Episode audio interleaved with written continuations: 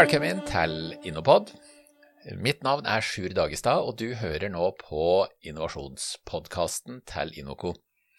I dag så har jeg fått med meg ei meget interessant dame her i studio, som heter Ingeborg Lykseth. Velkommen, Ingeborg. Tusen takk. Og eh, vi skal få høre om eh, sosial innovasjon, og vi skal få høre om en gründer som har bygd opp sin virksomhet. Og ja, vi skal sikkert få høre litt om drivkraft. Hva er det som driver deg på dette? Men Ingeborg, hva er det egentlig du driver med, for å ta det først for lytteren? Ja, det er et ganske stort spørsmål. Det er mange som lurer på, jeg lurer litt på det sjøl innimellom. Men det jeg vet at vi i hvert fall gjør, det er å trene barn og unge til å stå sterkt i seg sjøl og være den de oppriktig er, ikke forma av omgivelsene, men å bygge på de verdiene og de egenskapene som individet selv har for å gjøre mulig en god hverdag, og stå i det som er utfordrende, og ikke rømme fra det. Jeg vil kalle det en, bland... ja, ja, jeg vil kalle det en blanding av teraplay og, og mental trening. Leadership, vil jeg kalle det. Og, og, nå har du brukt en del fine ord, og så har du egentlig fortalt oss om at du jobber med de som har ramla utafor i systemet òg, er det riktig? Det stemmer, jeg jobber med de som har ramla utafor av systemet, snubla veldig av ulike grunner, med forskjellige bakgrunner og forskjellig alder. Ja, så, så det, er, det, kan være dropout, det kan være kriminell bakgrunn, det kan være psykiske lidelser. Gjetter jeg riktig nå? Det gjør du. Det, alt det som du sier nå, er jo de vi jobber med, og de vi ser flere og flere av, det er de med psykisk uhelse. Okay, Den vokser ja. veldig fort, særlig blant de aller, aller yngste. Ja, dessverre. Mm. Ja. De er jo helt nede i 13 år, eh, de som kommer til oss nå. Tidligere så var det fortrinnsvis 19 til 35, og nå er det 13 til eh, nærmere 50, vil jeg påstå. Ja. Mens fokuset vårt det ligger jo da på de yngste, som er da 13 til 30. Og det er jo to forskjellige målgrupper, selvfølgelig. Ja, riktig. riktig. Og du har drevet med dette her i mange år? Dette har jeg drevet med hele livet, vil jeg påstå. Jeg vil påstå at jeg begynte allerede på ungdomsskolen som 13-åring ja. med det jeg gjør i dag. Fordi av en eller annen merkelig grunn så ble jeg da alltid plukka fram av lærerne og måtte gå ut i skolegården til og med midt i timen, for å hjelpe noen til å komme inn til skolepsykologen, eller til å løse en konflikt Akkurat, mellom andre ja. elever. Ja. Så det er, en, det, er ikke, det, er, det er, på en måte ikke en jobb, det er en livsform å jobbe med det jeg jobber med, tror jeg. Men så trenger en jo et verktøy for å gjøre jobben. Da.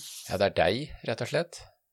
Ja, meg og mange med meg, da. Ja, som ja, eh, er verktøyet. Mm, og dette med sosialt entreprenørskap, det å være en sosial entreprenør, det er jo en form å leve livet på. Er, jeg ville kalt det en diagnose den første gangen jeg fikk høre om det.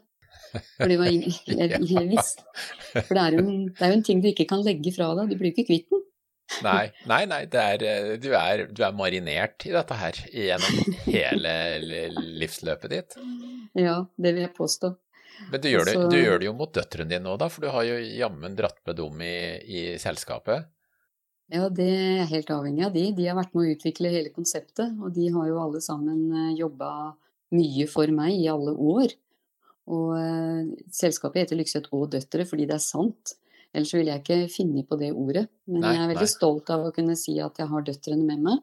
Nå er det bare én som er fullt ansatt i selskapet, men vi bruker jo de to andre når vi trenger det. Ja. De er jo i relevant arbeid andre steder med mer eller mindre samme målgruppe. Ja, for de har bakgrunn innenfor sykepleie og coaching og den type ting, er det riktig?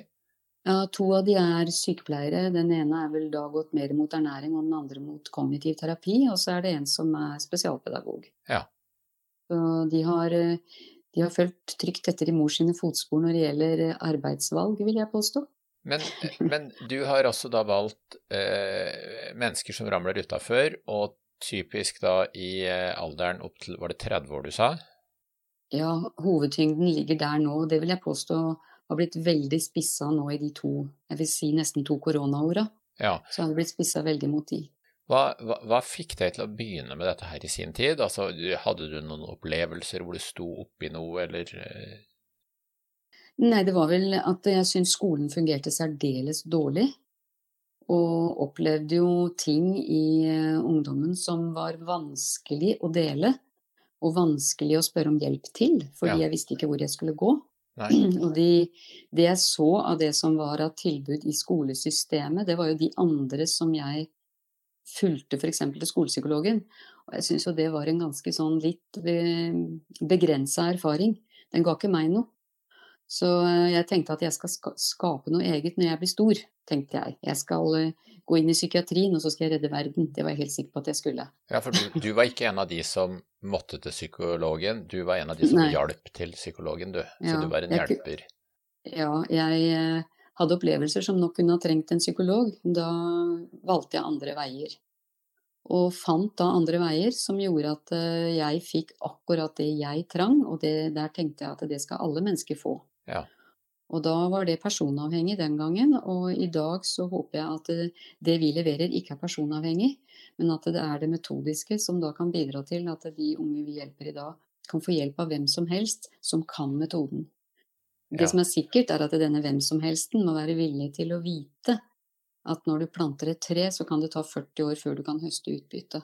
Mm. Og når du jobber med mennesker som er, har en ganske kraftfull psykisk uhelse, så eh, er det viktig å være tålmodig og gjøre alt på, i deres tempo, de, på deres premisser, og ikke dikte at jeg vet noe bedre enn den jeg jobber med, eller tenker at jeg vet at du kan bli frisk til tirsdag. Nei, nå brukte jeg ordet frisk, det vil jeg gjerne korrigere litt, fordi vi ser ingen som syke. Nei, nei, de er, de er den de er. De er, de er ja. ja. De, er, de, er, de, ser ingen som syke, så det var dumt av meg å bruke ordet frisk. Jo, jo. Fordi vi har Perspektivet vårt er hele tiden å se på det som fungerer, og så utvider vi det området som fungerer, til å ta over det som er da vanskelig og dysfunksjonelt. Sånn at de kan leve med den de er. Vi skal ja. ikke skape nye mennesker, vi skal bare gjøre de trygge på at den de er, er greit. Det er helt i orden. Og eh, dette, dette, opplegget du har, det er noe du har som en privat leverandør? Er det offentlige inni dette her, eller hvordan er samspillet mot omgivelser sånn på den ja, si kommersielle sida? Ja. ja. på den kommersielle siden så er jo vi er jo et sosialt entreprenørskapsselskap, så vi er jo nødt til å være vi er nødt til å tjene våre egne penger, for vi driver ikke bistand. Da er det ikke entreprenørskap lenger. Nei. Så det, samhandlingen med det offentlige var en veldig lang og vanskelig vei å gå. Ja. Første gangen jeg gjorde dette her, begynte å utvikle produktet, så fikk jeg jobbe i, i Kroatia, for der hadde Norad mange prosjekter etter krigen. Og jeg ble tildelt av en gruppe med 20 ungdommer fra 16 år opp, oppover, ja. som, hvor oppdraget var å lære de å tenke at de kunne være selvstendig næringsdrivende. Det var oppdraget mitt. Så du begynte, du begynte med kroatisk ungdom? Kroatia. Ja. ja. Det var første i det jeg holder på med i dag. Men den gjengen jeg møtte der, det var jo krigsofre som egentlig bare ville dø. Ja. Så det å trene de til å drive egen butikk, det var ikke akkurat det jeg kunne fokusere på. Jeg måtte først og fremst få de til å kjenne glede over livet. Ja. Og da var det denne metoden begynte å utvikle seg med det jeg da kunne fra før. Mine egne teorier som ble satt sammen med andres teorier, og så ble det et produkt. mange år siden er dette her? det her var i 98. ja, 23 år siden. Ja. ja, og da brukte jeg eh, Der nede gikk det kjempefint. Resultatene var overveldende. Ja. Og jeg fikk masse oppdrag i så måte. Men jeg ville helst være i Norge. Så jeg, eh, jeg jobba både i Finland og i Italia og Irland den gangen. Det var de første Det var etter Kroatia, da. Var, var, var det også bistandsstøtta?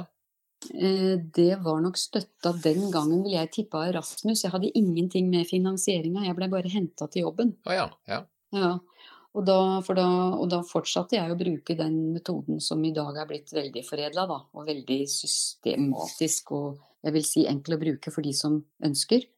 Ja, det, det, er Frog-metoden du snakker om? Det er Frog, ja. Lykseth-metoden, men Frog-programmet. Ok, Hvorfor heter det Frog? Ja, det er et rart spørsmål. Ikke et rart spørsmål, men det er et rart svar. Ja. Jeg, er veldig, jeg tror på magi, ja. og jeg er veldig glad i Disney. Ja. Og det går an å kysse en frosk altså. Plutselig okay. også er prinsen der. Det er det som er bakgrunnen, ja. Ikke bare. Det er også det her at uh, frosken sykles ifra rumpetroll uh, til, altså til den mister egget ned i vannet, og vann, det blir mye støy i vannet. Akkurat som når ungdom dropper ut, så er det mye støy.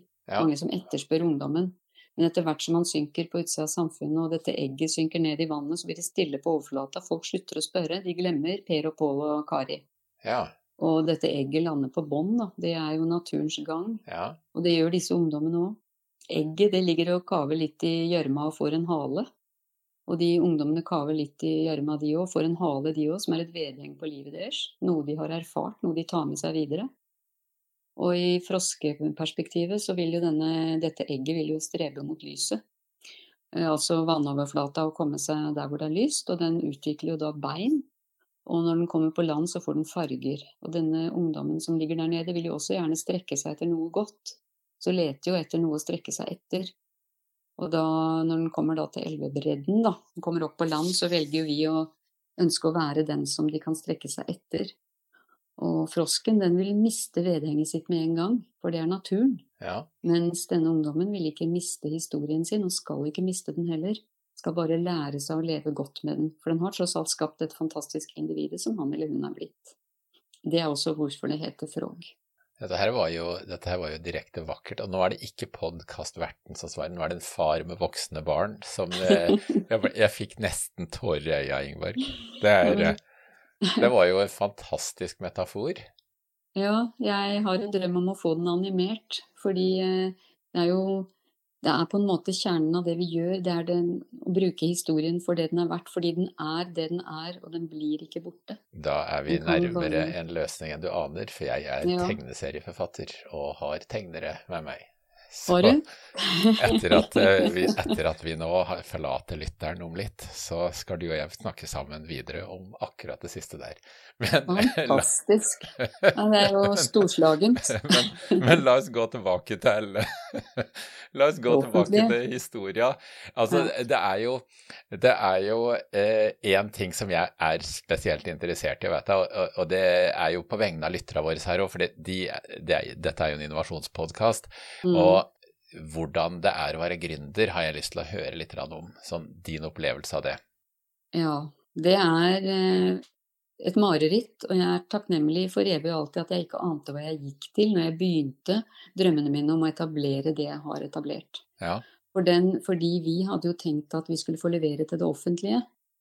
Og vi lagde jo jeg vet ikke hvor mange piloter for Nav for å på en måte bekrefte vår eksistens. Alle pilotene var gode og vellykka, og Nav var fornøyd. Men det å tegne avtale med en sånn liten pluttiplott som eh, vi var, det kan ikke det offentlige gjøre, for alt skal på anbud, og det skal være robuste, store industrier som leverer de tilbudene. Den gangen. Ja. Så da brukte jeg åtte år på å finutvikle og forsøke å etablere meg i markedet, og det var veldig tungt. Fordi det vi gjorde var for de fleste uforståelig. Og veldig ofte så fikk vi den her Ja, men eh, vi ønsker å kjøpe et stykke av det du leverer. Kan, kan vi få det stykket som handler om f.eks. Eh, effekt? Altså effekten av det du gjør? Ja. ja, jeg vet ikke. Ja vel. Da vil jeg påstå at du kjører en T-Ford, og så ber du meg akkurat nå å levere en Ferrari-dør. Ja. Tror du det passer sammen? Får du det til å skurre og gå? Nei, du får ikke det til å gå. Den døra kommer til å ramle av. For den passer ikke i det du vil ha den inn i. Du må kjøpe hele konseptet, som må stå for seg selv. Og så kan du samhandle med dine aktører i ditt nettverk, i ditt offentlige. Men du kan ikke kjøpe effekten uten å kjøpe Altså du kan ikke kjøpe, du kan ikke kjøpe framdrifta i en bil uten å ta med deg motoren. Nei, så du vil ha eh, Altså folk spør om 0 til 100 på fire sekunder, men eh, uten å kjøpe bilen. De skal bare Ja, det er en ja. veldig, veldig Og den stjeler jeg. Ja, den skal jeg bruke. Vet, vet du hva, da, da, kan jeg også si Jeg driver med veteranbiler, og da kan jeg jo si at Ferrari er jo en usedvanlig dårlig designa bil. Ja, sånn, sånn, generelt, fordi når du ser på Ferrarier, så er de så ekstremt dyre å holde i drift. Det går i stykker i ett sett.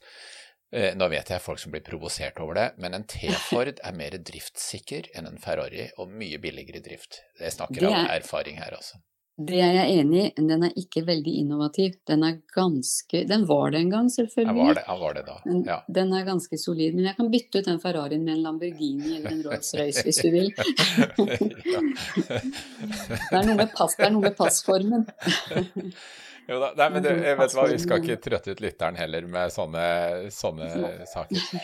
Men du eh, Det tok tid, det var det jeg ville fram til. Ja. Den tiden det tok uten å tjene penger den er draining. Altså det er så tappende, ja. det er så slitsomt. Og hele tida så er det da på en måte drømmen om å skape noe som gjør at en bare går videre og går videre.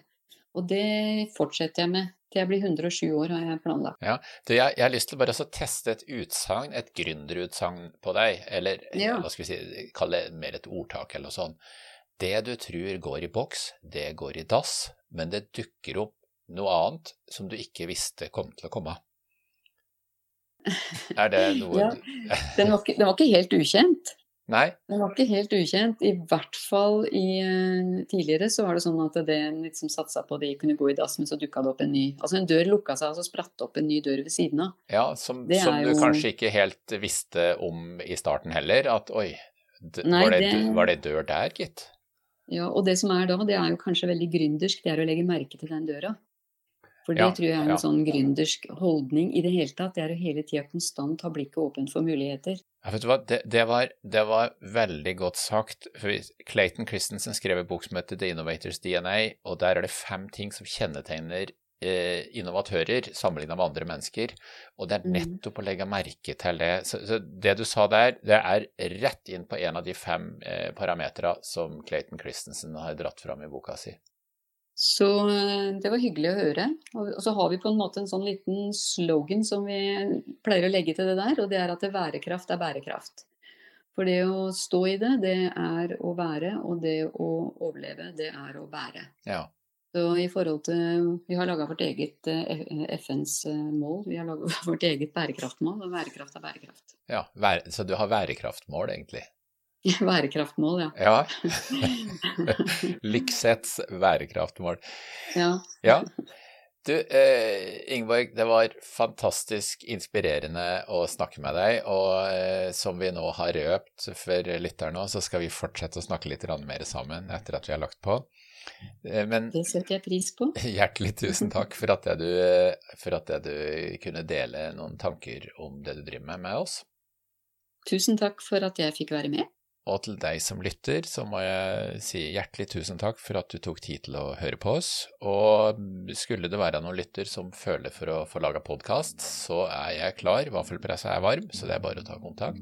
Mitt navn er Sjur Dagestad, og lydmannen i dag, eh, som eh, tidligere, er Petter Strøm. Takk for at du fulgte oss.